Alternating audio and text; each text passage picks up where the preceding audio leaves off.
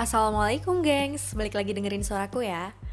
Kali ini aku mau sharing Jangan pernah takut kalau misalkan kita dibenci sama orang. Ya sebenarnya siapa sih orang yang mau dibenci gitu kan? Tapi kalau misalkan kita tengok orang-orang yang sukses di luar sana Mereka tuh tumbuh dan berkembang Justru malah karena mereka dibenci sama orang lain gitu loh. Pasti mereka pernah banget ngalamin namanya dibenci sama orang lain gitu Bahkan nabi kita aja nih dibenci dilempar batu sampai diludahin gitu kan. Ya apalagi kita yang manusia biasa gitu loh. Intinya tuh kita nggak perlu berbuat jahat aja tuh kadang orang benci loh sama kita. Kita diem kadang tuh ada aja orang yang benci sama kita. Suka bingung gak sih?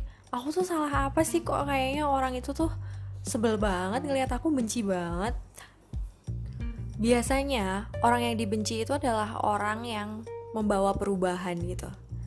Karena ya biasanya orang-orang yang membawa perubahan itu mereka mempertahankan idealismenya gitu. Mempertahankan prinsip pribadinya, berani beda gitu loh di antara semua pemikiran orang yang sama. Dan biasanya juga emang orang-orang yang dibenci itu adalah orang yang membawa pengaruh banyak buat orang lain biar kita nggak dibenci sama orang lain tuh ya sebenarnya gampang banget gitu loh. Tinggal kita tuh ngikutin pendapat orang lain aja. Kita nurut nggih nggih terus kita nggak usah deh ngelakuin hal-hal yang beda gitu sama sekitar. Tapi hal ini tuh bisa dilakukan kalau emang kitanya sendiri tuh mau jadi temen yang baik gitu. Kalau misalkan kita mau jadi orang yang membawa perubahan ya kita harus siap dibenci apalagi kalau misalkan kita tuh jadi seorang pemimpin gitu loh. Karena menjadi seorang yang dibenci itu adalah kenyataan untuk seorang pemimpin. Kenyataan untuk orang-orang yang bakal membawa perubahan. Kalau nggak mau dibenci ya udah nggak usah jadi pemimpin.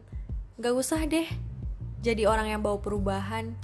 Diem aja ngeliatin yang lain oke. Okay.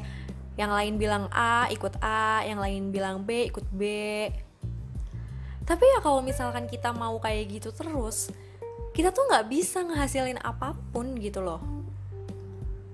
Karena kadang sesuatu yang dibenci itu malah bisa mengubah pemikiran orang gitu. Kayak misalkan nih kita nulis pendapat kita di medsos atau nge-podcast kayak aku kayak gini nih.